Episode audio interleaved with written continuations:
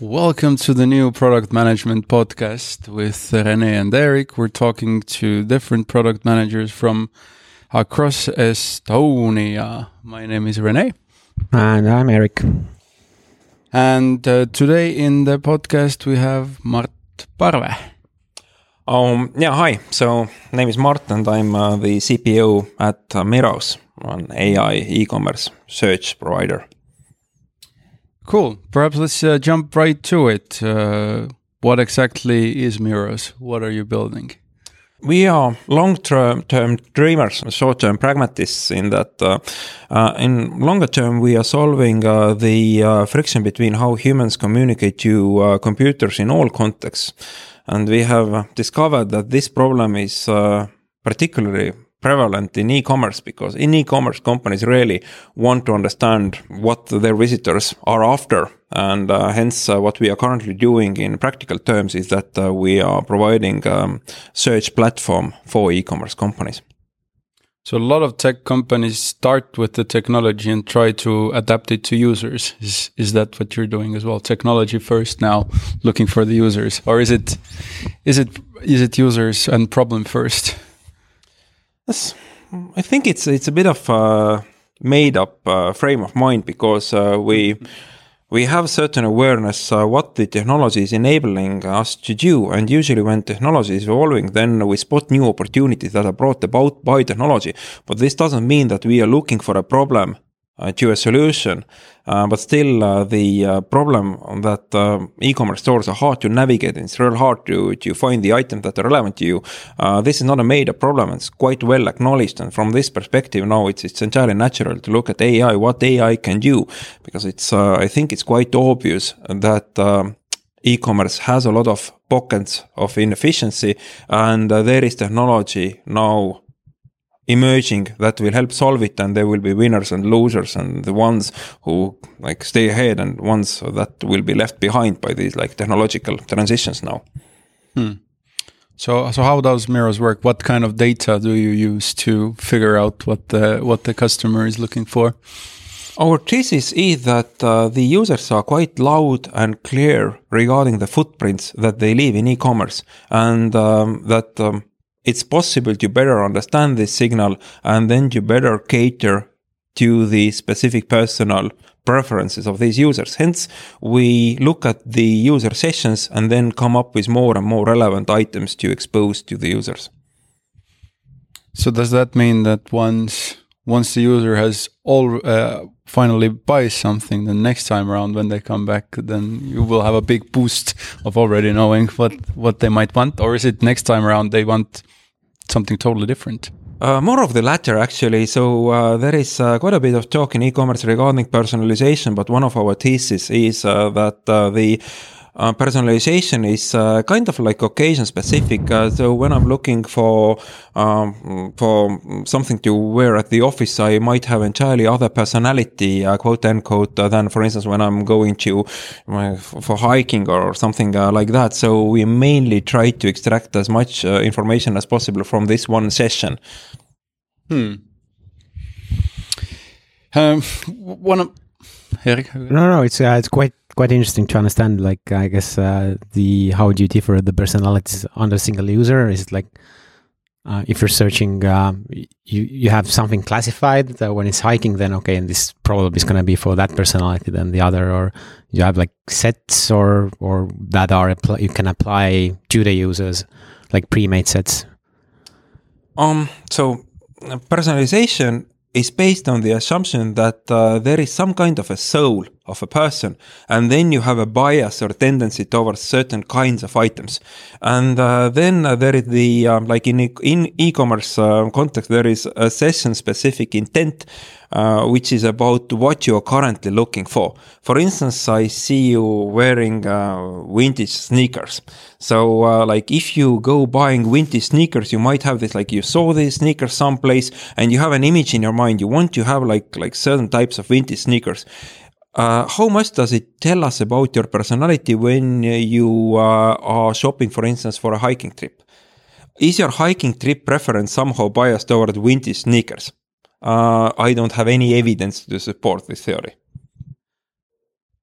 Okay. Hmm. One of the fascinating aspect, aspects of retail today that I thought about before you came here today is trendsetters or, or fashion influencers. You know, not just celebrities, but actually style icons for people to get their, uh, um, get the, the image that they, they want to dress as uh, from. So with, um, Miros, um, diving, diving deep into figuring out what do people want, are you also, uh, have you also looked at bringing in data from externally so not from the not from the current catalog not from the uh, uh, specific uh, session data but actually looking at okay so what does steve jobs or emma watson uh, dress like? And then perhaps matching that with uh, with users kind of figure out that ooh looks like they're going for that steve jobs kind of vibe and, and offering offering that. Uh, short answer is no, we aren't doing anything like that. And uh, maybe a bit of a longer answer could be that uh, there is a value chain to how style preferences are forming and uh, like how like the purchase intent is forming. And so one uh, sort of um, scope is where the style is being uh, formulated by uh, the visitor is uh, browsing around on TikTok, Instagram, seeing what Steve, Steve Jobs is, is wearing and whatnot. And then a certain uh, style intent is starting to form. And then the user next needs to find an item that represents this style and then find this item from the store and eventually buy this item. Right now, e-commerce is kind of stuck uh, in being uh, the um, um, pretty much about price in that the style preferences are formed somewhere else on Instagram, for instance. Then the item is even found someplace else, and e-commerce is uh, is often the venue where the um, least pricey option for this product is, is found. And this puts e-commerce of course in uh, in uh, in in a lot of price competition. And now what we try to do is at least extend uh, the um, extend this value chain so that the uh, shop actually becomes a place where you browse around play with styles and and may, maybe even by by getting more inspiration also formulate your style or develop your style a little bit. But uh, do we like uh, do we see our place in in informing the styles in the first place, uh, no, this uh, goes outside of our scope. Hmm. I think let's uh, jump uh, into the specifics now. Specifics now. Every groundbreaking product starts with an MVP. Most start with an MVP. Can you share the story of of uh, Miros's initial MVP? Like, what was the first value that the product started bringing the first clients? Um, no, the um, to be uh, to be honest, uh, I'm not uh, among the founders, and when I joined the company, there was already an MVP in place uh, that originated from the founders' long-time experience with uh, in e-commerce. So they have a prior exit of Fits Me, another Estonian fashion tech startup, to Rakuten, and uh, the founders also were retained as employees, executive employees at Rakuten, and there is a lot of um, industry know-how that originates from from there. Uh, regarding uh, the MVP, it's validating the hypothesis that uh, users want to interact with e-stores more like with Pinterest and less like with an entirely practical, how to say, item catalog. Because you yeah. see, like most e-commerce still, when you look at uh, whatever Zalando, Amazon, whatnot, is still stuck in the, uh, like Estonians would appreciate the, the joke neti.ee type of old school thinking. Can we cram everything into a structured catalog? And then like I go in like, do I want jackets or jeans? It's gonna be jeans. Do I want like, like what types of jeans? And then, then uh, like, like somehow like in a very, formal way navigating to a structure or a certain maze. But uh, like no one is, is going to TikTok like, show me videos of people dancing. Which type of dancing? Okay, next choice. And then it's the people like, which types of people are dancing? And then it would be like an entire category tree of people dancing. Now you start interacting with what you see. Doing this, you, you give certain input to TikTok so that TikTok can service you with more relevant videos. And so right now our solution is a lot about bringing this TikTok way of interacting with the product inventory to e-commerce context. And numbers are of course backing it up that people appreciate this way of, of interacting with, with online environments, so to say. couple of uh, days ago, I was looking at an uh, unnamed e-shop. It's like not the Estonian one, but it, uh, um, a rather big brand as well, and found something. I just stumbled ac- across a fleece. Forgot about it, and then oh yeah, then started look through the catalog as well, and couldn't find it under tops, etc. And then uh, it took me like uh, two minutes or three minutes to understand. Oh yeah, this is winter wear. you couldn't uh, sort of locate it other way. So yeah, this is like a weird, weird problem uh, that uh, it's uh, especially with shops that have bigger catalogs. Like you just get lost. Uh, they're they're, and it depends on like how much do you know the brand. Like, do you actually know how they categorize their stuff? Like, you, you shouldn't care. That's and uh, like moreover, what even is a brand? So brand, I would suggest is a proxy. Brand is a quality proxy in that like I trust Salomon to, to make great shoes uh, that are durable. Or it can be like a style proxy. I trust uh, this and that other brand being like my style. Uh, whereas uh, like when we now look at styles, so are people open to other similar style items that are not this brand? Definitely they are, uh, but they are sort of like constrained into the funnel of like how do I find something from an inventory of 100k items? Okay, I need to go with brand because this is a brand I trust and, and like, and so uh, but we kind of um, like what we do here is or, or what is our current outcome to that is that uh, people who have some experience using the Miros way of interacting with products they find the item they are after from an inventory of 100k items in less than 60 seconds. Uh, by scrolling, clicking, and uh, and quite quickly you are in the in the world where you only see items that somehow like uh, miraculously look very relevant to you, and then a few more clicks and bam, you are kind of you have found the most relevant items to what you had in mind in the first place in under sixty seconds. Man, that's impressive. First, first thing that came to my mind when you started talking about winter wear is that in some cases for winter wear, more data is actually what I do want, like more more hard data. And whenever I'm buying a winter jacket, I'm like, tell me how warm is that jacket? Is it going to hold up in minus minus ten degrees? But I guess and they, that- and they don't tell you. They tell you it's a warm winter jacket. But I guess that What sort of that? ties up to the uh, different personas that you have. Like when you're looking for, for let's say pants, then that's another than than when like winter wear, which is essentially like, oh yeah, I, I'm going to hiking or I'm going to skiing. I need it to sort of be like that. So I, I guess this instance, the geographical location is a is a part of the persona. Where yeah, what is the climate in the place where you're going to wear that jacket?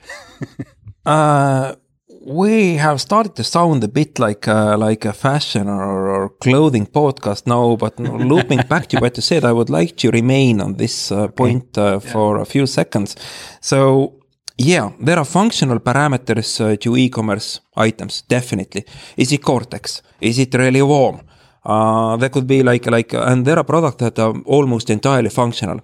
Um, the uh, memory chips or RAM chips for computers, they are almost entirely functional. It's about the functional parameters. It's not not that much about how it looks. With graphics cards, it could be a little bit more about how they look. And there are certain items where the functional parameters are not all that important at all. And now we need to draw a line for us as a company where we focus. We could go into large language models to better determine users' functional requirements and then use LLMs to uh, to surface best matching products for these functional requirements. It's really warm, for instance. Or we could focus on the visual traits. And we can't focus on everything. And hence, like, we could go after the more normative functional parameters of products, for instance, is really warm, and start uh, reading the item descriptions and then building models from that. But we have made a uh, like intentional, conscious choice of going after visual aspects of products because we think that it is underdeserved, uh, un- underserved market uh, right now. and and visuals for clothes are usually available as well. I mean, yeah, it's it's uh, quite often it's very hard, like like uh, very hard to describe an interesting uh, interesting clothing item or, or sneakers or whatnot. How do you even like if there would be a natural language search that would find you like anything? So how would you even describe the thing? And then you would end up with really elaborate descriptions, what it should look like. Uh, and it's not really uh, not really viable. And hence, uh, we think that visual is something where we have a greater edge, and where people don't like sort of we think that it's that that people don't pay enough attention to enabling visual discovery in e-commerce. Hmm. So it sounds like what you're doing and what clothes shop should be doing is kind of uh, uh, midpoint between something like Netflix, where there is very little like functional aspects. Perhaps for Netflix, it's language. You probably want to uh, view that in a in a language, or at least have subtitles in a language that you can speak. And then on the other side, you've you've got those uh, those uh, computer components where you don't really care what it what it looks like, what it feels like. Just uh, just give me those gigabytes. And with clothes, it's uh, it's it's in between. You've you've got sizes. You've got you need it to be warm in, in order not to freeze to death when you go outside in Estonia during January. But there's a lot of uh, lot of stuff based on just uh, vibe and opinion and and, and imagery. It's really simple. Visual items usually uh, are hard to describe. Since they are hard to describe, they are hard to find. Yeah. They also are very significant portion of the entire e-commerce market. So fashion is a big segment of the market and it like has a significant well acknowledged problem by the way because they really like understand that this is this is broken. It's very simple for them to to demonstrate and explain why it's broken and how we could be a better alternative of, of solving this. Uh, I had a question regarding how you determine determine customers, but this, this seems to be quite uh, already answered by by the explanation that I was checking the the site and looking the customers that you currently have as case studies, and they were like really similar. Like they have like a large catalog, all is really visual. You can't really uh, a lot of individual items, so that that where it really becomes like helpful. Where it's quite a quite typical. Um, so in an optimal case, uh, you would uh, like with a new product, you would find a beachhead from where you start expanding. And obviously, we have uh, quite a few second-hand marketplace companies, and uh, they're very similar in that they have extremely large product inventories. Uh, they don't have any descriptions because it's just like there is no description. There is only a photo and and uh, and uh, the category and side of the product. So it's really really hard uh, to uh, find. And so this kind of like consistent and also visual it uh, is a sweet spot uh, for us. And then like having viability there it's then how to bring this usefulness or how to extend this usefulness to other maybe less challenging environments. When it's less challenging then the incumbents already have quite solid solutions in place do you have any clients that ship to Estonia? oh yeah, um, we have uh, Germany's uh, biggest uh, second-hand marketplace, Momox Fashion.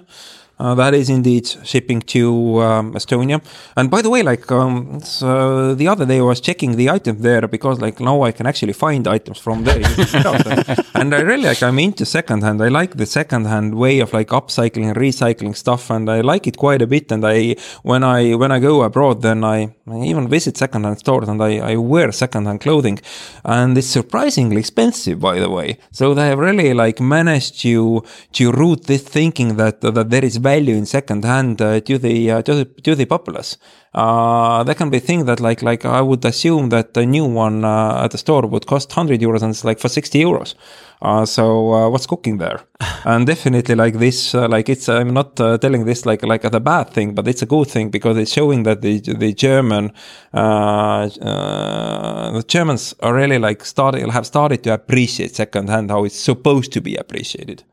I think it's also the fact that how do you like how do you understand different terms? So I think when you're talking about second hand, like there's a you have this idea that second hand used bad, uh, where it's like, no, no, no, it's like second hand, somebody has used this, but this doesn't have any impact on the material which it was produced from. So it's sort of like quality has like different meanings or, or for example um, something that is expensive is not necessarily durable. It's expensive because of other features or other other like whether it's unique whatever. It doesn't really like if you, if you pay like 500 uh, euros for a t-shirt it doesn't make it durable. It's there's other values that may bring the price but yeah it's interesting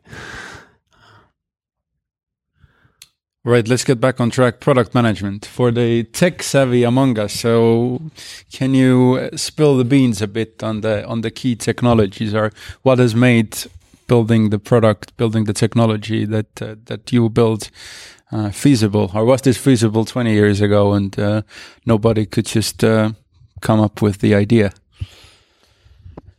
It has been feasible uh, for quite some time. Uh, of course, um, sort of like like we see rapid development in AI technology, and of course, it's making our job easier. And uh, like being pragmatical operators, we try to reuse as much um, openly available technology like models and libraries and whatnot. We, we are trying to reuse everything that we we can. So we don't have like any kind of a bias that we should uh, build proprietary models or train proprietary models or something like that. But uh, on the other hand uh, in order to make something uh, generally available to make it really useful for a certain use case. Uh, quite a bit of customization, configuration, uh, and, and, and overall thinking needs to go into how to really take this and make it useful. And uh, I think this is uh, like where like there are companies who are trying to do stuff similar to ours, but we already see where they are messing up and the tiny thing they haven't noticed and and and uh, haven't really addressed which is mainly about uh, the communication capabilities of our solution. So, uh, like you could use AI to find really similar items to your old school sneakers. But I already see these old school sneakers. They are like decent old school sneakers. Why do I need to see another like a jillion similar sneakers? It's about how you can then interact with items to communicate a direction. No, not like these. I would like to have them more like like basketball shoes and then going towards more high tops. And boom you see like more old school high tops. And uh, like how to achieve this and and we have proprietary technology that enables doing this. How to use ai to read users mind and then respond in kind. Hmm. nobody gets everything right. You mentioned uh, competitors making a small mistake here small mistake uh, there. Can you share an instance where miros tried something that didn't quite work out uh, what do I mean here? of course, like like um, we uh, we have quite a typical product management practice in that uh, being still being a zero to one segment company, we need to do a lot of stuff where we can't copy anyone and there are no best practices that we could follow. And in these uncertain environments, of course, it's uh, the like standard practice and, and, and very well proven practices like the lean startup way uh, sorry to be so trivial here, the lean startup way of just uh, like making small mistakes not like sort of not allowing you to to make big mistakes. And so we make mistakes all the time. Something goes uh, into a b testing or we have uh, uh, quantitative benchmarking of AI models. We do something, we hope it it uh, it improves something then, but actually like it, it it it doesn't do anything useful. And then of course it's it's a mistake, but we uh, like since we don't we try to avoid really big decisions. Then when we make a wrong decision, then we learn quickly something from it and and try not to repeat uh, the same mistake twice at least. Uh, learn from others and learn from your previous mistakes. Hmm. All right, I think we've heard enough about Miros. Let's take a tiny break and then we'll talk more about product management and where you come from. We're back with our unnamed product management podcast. And uh, next up, um, let's uh, talk about you. Could you walk us briefly through your uh, um, career in product management? What was your what was your first job? How did you get it? And and um, what uh, steps and companies have you have you gone through to end up in your current role? So I started out as actually as a journalist, and I studied some journalism and communication in the university. Actually dropped out, uh, but still. And uh, then I uh, I started out as a technology journalist, so uh, hosting a radio show around consumer technology, starting a radio show around um, uh, business IT, um, and um, and then at one point um, i needed like i was also kind of like sort of entrepreneurial about it so i was also producing uh, these uh, these radio shows. Uh, so also responsible for the funding of said radio shows sponsors advertising and i was doing and at, at one point even leading a sales department in a, in a media company um, and then there was a business radio show that required a co-host, and I uh, didn't have one. And then I beca- became the co-host of, of this business radio show, and it was all very exciting. Uh, but I quickly discovered that I uh, don't know much about business and, and economics, and um, sort of, and I always uh, try to live on the outskirts of my comfort zone. So some people have address their address smack in the middle of their comfort zone, and this is where they want to operate. And this, I think, it's it's entirely fine in the sense that then they can accumulate immense detailed know-how and experience for this comfort zone, and uh, and it's totally fine. And then there are people who get immensely fed up and tired when they like live in this boring zone. And then uh, i think that that i'm more of a, of a person who always wants to like sort of navigate somehow naturally to the to the edges of this uh, comfort zone. And then it's kind of natural that okay business radio show i don't know anything about business hence like it's uh, it's quite obvious that i should be running this show Mm-hmm. After which I uh, then went on and had myself uh, two degrees in economics, so bachelor's in economics and master's in economic the economics. Um, and then it somehow felt weird to go back into journalism. it sounded kind of cheap to go back into, into journalism. and about the time that when I when I graduated masters, uh, because it was uh, like like it was a good uh, job to keep hosting the radio shows uh, when studying in the university. Uh, had a, quite a bit of flexibility uh, regarding hours and, and when we do we record the shows and, and so on. Um, but then I, I when I uh, when I graduated masters, I stopped it and I started working at startups. Uh, this like looked natural to me because having some sort of being a teenage hacker back in a day and having uh, written code myself as well, being naturally very curious about technology. Then uh, the uh, experience in journalism where you need to explain quite often, especially in, uh, in technology journalism, need to explain technical concepts to laymen.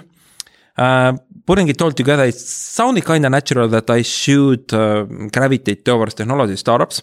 Uh, I first was uh, operating more in business development uh, capacity, but then got stuck there and, and also like like not comfortable per se, but but uh, but I sort of long story short, uh, like uh, there were there were people who and maybe the universe started hinting that product management is something where the direction I should go in. After which I quit my job and started looking for a job as a product manager. And uh, yeah, uh, it took me about maybe two to three months. And uh, then I joined Bolt in the capacity of a product manager, more specifically the PM for Bolt Food restaurants. So uh, when I joined Bolt Food, the entire Bolt Food had only one PM handling everything. It has courier, eater, restaurant, billing, whatnot. So it's it's uh, like I don't know how he managed to keep all that under very good control. By the way, the guy is is, is, is, a, is a total certified genius. And then I took over these maybe one third of the scope, this being restaurants. I took over from him, and then that's how I uh, I became a PM. And how did you? What were the skills that you needed when you first uh, started at Bolt? Like, uh, were you able to use the stuff that you learned as a as a tech journalist, or, or from your university studies, or what are the what are the skills? The, what is the foundation needed to do the job, or the, for you to do that job back then?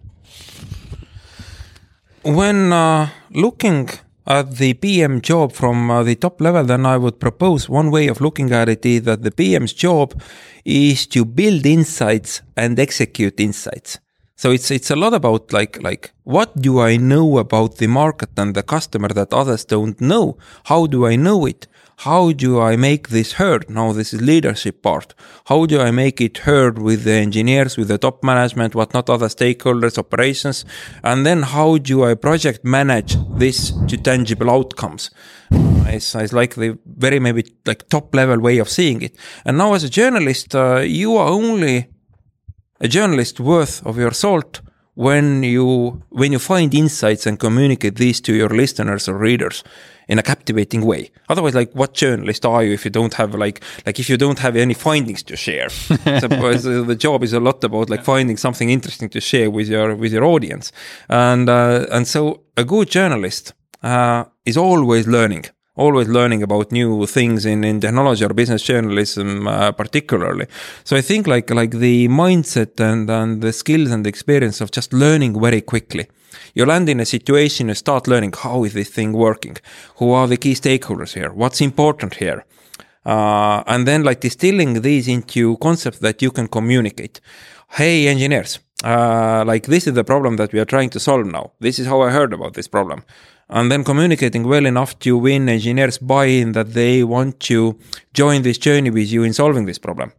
Very important by the way. I think it's it's not many people appreciate how important it is to have the good faith and buy-in of your engineering team with you as a pm yeah how, i was trying to like that that sort of uh, catched my ear a bit. Is like um, um, how do you make sure that that people think that oh this makes sense to solve like not you know oh yeah doesn't matter how do you do that. Like this seems crazy especially when we're kind of talking about uh, being able to like how how did you do that or how do you do that um, especially with engineers? Like if you don't have technical or, or you're you're not focused on the technical side of things so how would you sort of bridge that gap what gap is that? Um, in, in in terms of like, let's say you find a problem, you are trying to explain to really technical people, like, oh, we should do that, or we, this is the problem that we should explain, should be solving.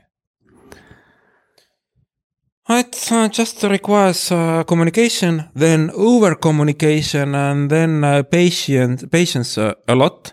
So, um, I don't like uh, firsthand. I don't know if it's possible to have engineers just complete tickets so that it would yield significant product outcomes. I have never seen it. Maybe there is someone who can do it. I'm just, I'm not capable of doing that. I lack maybe the skills of doing like how to make engineers like work like ticket machines so that I would have positive outcomes. It could be possible. I haven't seen this like being like possible or done by anyone. And uh, this uh, just means some, uh, mean that there should be diligence, diligence, patience and, and humility in how do you keep the engineers uh, sort of aware of the problem space and then for instance like it's it's how you like how you go into grooming uh, guys this is a problem that we are solving uh, here is why it's important problem. I have thought about few technical options how to tackle this problem. Do you have any other solutions uh, to propose here?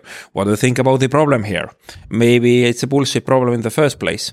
Uh, and then having the feature lead assigned uh, from engineering who is then really engaged in, in like trying to figure out what is the best way of solving uh, solving this this problem. So uh, this is like how a cross-functional team should operate. And I'm afraid that there are no like like like I, I at least I don't have a magic bullet here.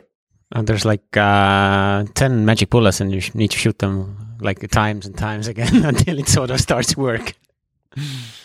Yeah. So.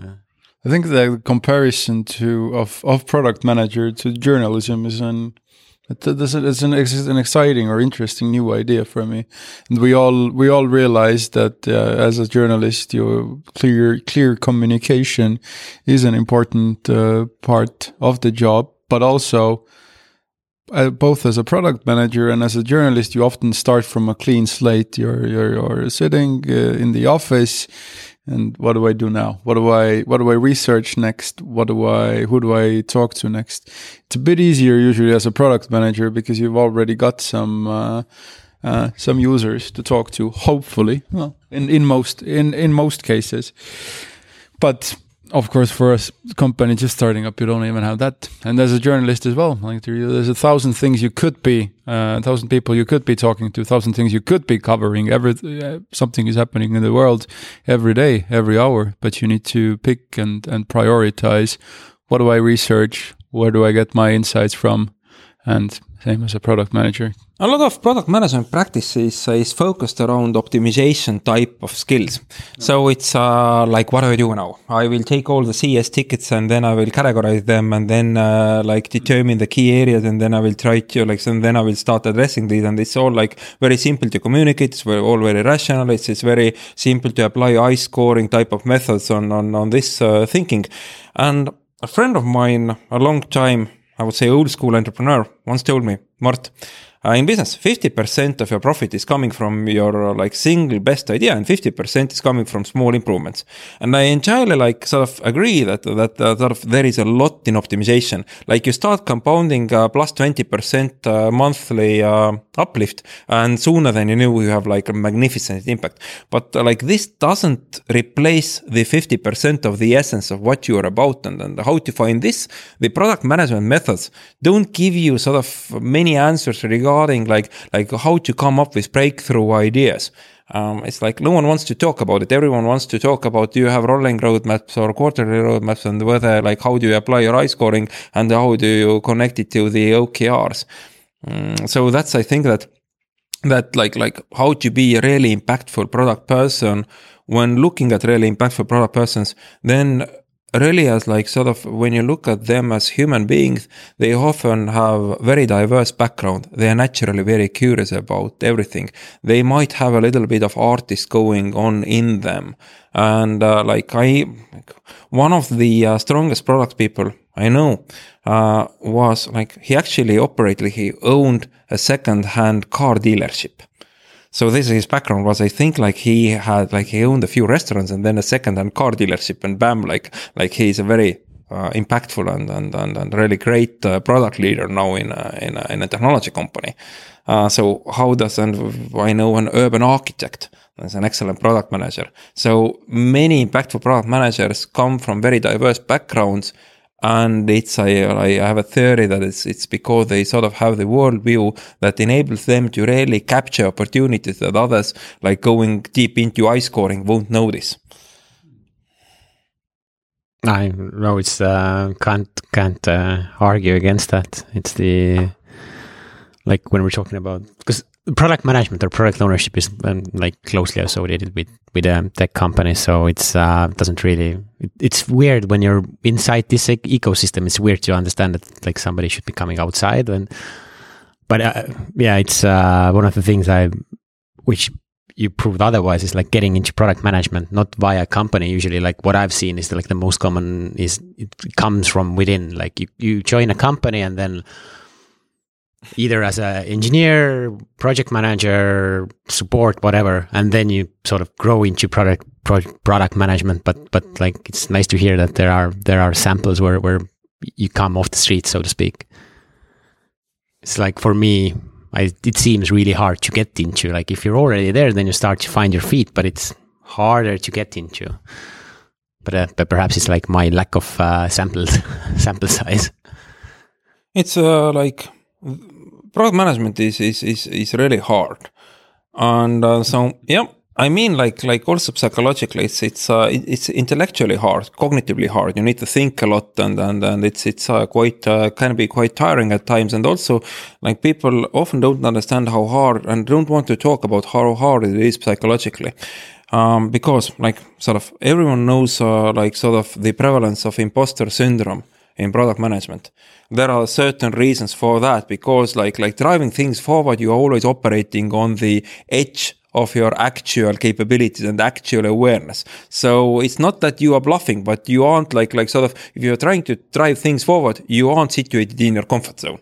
Like this is not your job to like remain in the comfort zone, and then naturally, then like like uh, there is risk, and then there is uh, quite a bit of psychological pressure like for instance in, in the form of, of imposter bias and how to overcome this and, and still be happy in your job and not burn out and uh, also like it it's not made easier by the fact that uh, especially in uh, early stage startups or companies where there is certain transition going on um, the PM needs to instill some kind of a confidence into the teams. So here is our plan. That's the thinking behind it. At even though there is more thinking out there in the world, there are more facts we could analyze. At some point, we need to start moving, guys. And uh, so, like, uh, like, and then there should be a leader who has confidence in, in sort of at least like, like what we are trying to do here. And if we are wrong, then why we were wrong.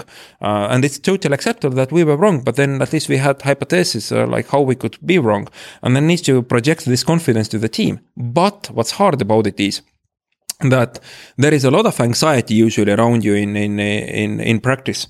And uh, what um, sort of like what it means is that soon you have confidence have confidence built up. People will try demolishing your confidence. Like you know in the movie inception in Inception, they uh, they uh, sort of built some structures, but then there were some antagonists who sort of like tried to demolish the structures all the time. You have something in your mind, like in the Inception movie, you have built like a beautiful building or city, but then some like like dark forces are starting to somehow degrade and demolish it, raise it to the ground, and so there is the internal anxiety anxiety in the organizations is always trying to somehow like subconsciously attack your confidence and it's a good thing because like if no one is attacking attacking your confidence challenging it you don't know like you don't need to work hard to keep this confidence and this will make you lazy. But on the other hand you need to understand that you are under constant attack. If you have proper culture in the company if there is complacency and everyone is la- lazy then of course like no one is gonna challenge your views. But if the company is really like agile and aggressive and wants to like ambitious wants to achieve something there will be plenty people who will start somehow like like like demolishing your confidence. And then you need to have the psychology in place, not to become defensive in a bad way, but still be like like sort of strong convictions, loosely held type of way to really like defend your point of view while accepting challenges and how to have this going on and uh, like sort of and uh, like sort of when your day ends, then you will be properly exhausted and also psychologically. Mm. I guess that's where the practice of doing things in small batches comes in as well. Uh, the good part about being a product manager, everybody tries to uh, prove you wrong, but then you just get it done and you see did it work or did it not work. Oh yeah, it's um, you do, do like sort of okay, a small thing. But it doesn't really count because it's too small. uh, while doing this small thing, you could have done this thing that uh, like a hundred customers have been asking for. Yeah and so it's actually like sort of it's it's it's it's actually really hard. So it's it's usually like if you do anything then uh, then like sort of there is scope to defend because like first principles you're operating on the edge of the comfort zone and uh, there are like like multiple pressures and anxieties in the in the company and how to manage all that in a kind and productive way is something that people don't talk about enough, I think. And it's because it's simpler to talk about whether you have rolling, uh, rolling roadmaps or quarterly roadmaps. Okay, let's jump back to your career. Career, you managed to join Bolt, uh, and uh, how how long were you there? What happened next? I was there, um, I think, close to two years, and uh, then I got the offer to join Miros as one of the first employees.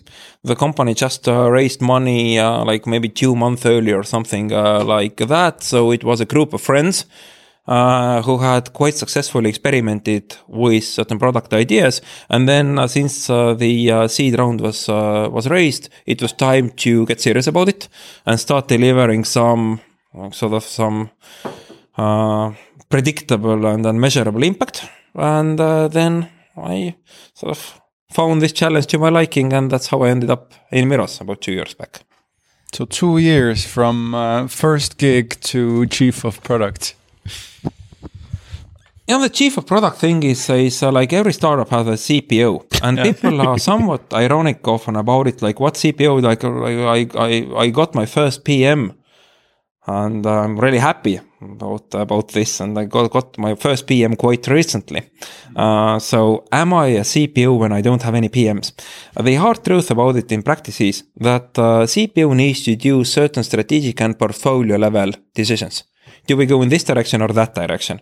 And CPO needs to be a counterpart to the CEO and the board regarding the really big decisions. And the fact that you don't have PMs means only one thing. You need to do the CPU level decisions. And then at night or weekends or whatever, vice versa, you also need to do your PM decisions, which is about uh, preparing the roadmap, uh, bringing items to grooming, uh, measuring the A-B tests, uh, reporting back the results, uh, doing user interviews, participating in customer calls.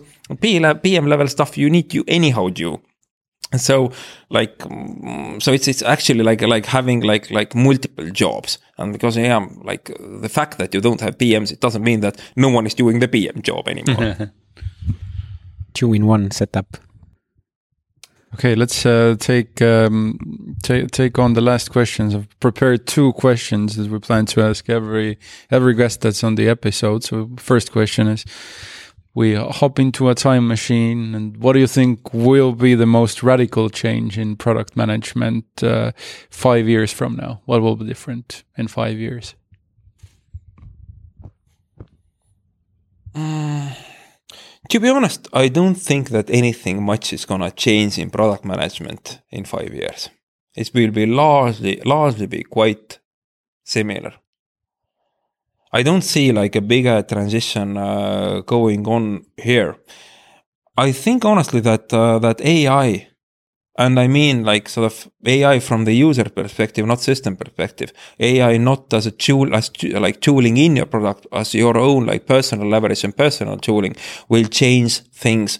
Um, for instance, um, just uh, yesterday I had a very interesting conversation with the founder of supersimple.io, another Estonian startup that is uh, doing sort of like um, data reporting that you can control with natural language. So mm, you connect it to your data warehouse and then ask questions like uh, like what is my uh, my worst cohort regarding retention something like that. And then it comes back with uh, certain uh, proposals, what it might be, having looked at uh, the data. And this means that the uh, PMs in this world could talk to the data uh, very efficiently and very quickly, have conversations with, with data. It could be that personas, the GPT-4 generated personas are already quite good for some user interviews. So really like scaling up user interview or user insights pro process. Of course, people might be saying that it, yeah, but it wouldn't replace re real human beings. Um, yeah, the uh, I don't know, my motorcycle wouldn't replace my my legs anytime soon. I hope so, at, at least. But it's it's a useful thing, and I really like it. And uh, so these like like like ways of getting more leverage would probably have a similar impact to PMs like in any other industry. In order to be a great PM now, you need to really think about how you are leveraging your capabilities with new tools, for instance, AI-based tools, because you can uh, you can count on everyone else doing it, and if you don't do it, you will definitely be left behind. The second question is about tools. If you were stranded on a desert island, you've got your MacBook with you, uh, um, a way to charge it, and the desert island even has a Wi-Fi. However, your um, your MacBook is is is company managed, so you can't install any more applications or tools or services uh, on it. Then on that desert island, what would be the three tools or services that you would ensure you have access to or, or installed before you go to that desert island? Three tools or services. Um, uh, taking this question sort of like like in good faith that uh, that I can't answer that it's it's Chrome to be using all uh, types of web apps uh, because this uh, would be a bit dishonest I think in this context. then I would honestly say say that that um, um, GPT and Claude and other like language models or GPTs have become really, really important in my daily work. And it's not like, like people might imagine that I go in there, oh, write me requirements for this new sign up flow here. And then I would send this, uh, like, and then send you like my engineers on Slack and, and then I will go home and, and, uh, and, uh, uh, and have a lunch nap or something like that. Uh, but it's uh, sort of here is a problem that I'm facing uh, become a coach and start asking questions about this problem space. So to sort of that it would be a very good way of, of, of, of making a structured brain dump from my side and then getting back a structured overview of like sort of what was discussed. And, and so I'm using it as a counterpart a lot to sort of to structure and, and, and, and, uh, and advance my own thinking. So honestly, like very quickly, GPT has become like maybe one of my top apps. Mm-hmm. Anything else? Uh, from my side, I have like question is like um, know, one, one one thing is tools, but it's like how do you keep yourself re- relevant? So whatever you're learning, like when you joined, let's say Bolt or or uh, like how do you how do you divide like the things you learn? I don't know from tech side, from product side, and then from project or product management side. And like this is the efficiency or or whatever we were talking earlier things. So how do you sort of divide those? Or like, what's the thing you focus on? It's a great question. Um, for me personally, it's like sort of I have started seeing more and more value in talking to people much smarter than I am and it's very hard for me to it's it's very hard for me to achieve. I'm not an, like naturally like like I, I i i i like i'm not the person you might imagine that has like tons of friends and is hanging out in bars every day or something something like that. So um like interpersonal relationships for me are naturally quite hard. And having like like having very uh, like successful, talented, smart people invest their time in you. Requires a good reason, and this is very hard to to sort of to to get the attention and buy-in of the people who could really like help you. And how to even achieve that you could spend i don't know like 50 minutes or 30 minutes with someone who is much much more experienced and smarter than you. And then when you have achieved this uh, then it's really precious. If you have managed to achieve like like it's a question like you can ask yourself like uh, who was the last uh, person who really learned a lot from? Like, when was it? Was it like month ago, uh, yesterday, or, or, last year, or it didn't happen? And then when you are when you have achieved this situation, how to uh, make it well worth to your mentor or the like whatever other advisor you, you might have and how to sort of like how to make this relationship productive for both sides how to be a good mentee or coachee and uh, like all, all this is, is is like the simplest you can do is listen to podcasts and, and read books and, and, and stuff like that. Or take courses on udemy or, or, or yeah it's all fine. And i do all this by the way. I do all this. But i think that uh, for me personally like like like how to extend my awareness and know-how by leaning on people who have more experience than i do how to achieve it. It's really hard, and and and I'm but I'm I'm also really committed of making it happen. Then thanks a lot for joining us today. I guess our answer to the question of. Um, how to talk to smarter people is you just um, start start recording a podcast. Thanks for joining, and uh, we'll be back soon with some more guests to talk about product management and sometimes AI.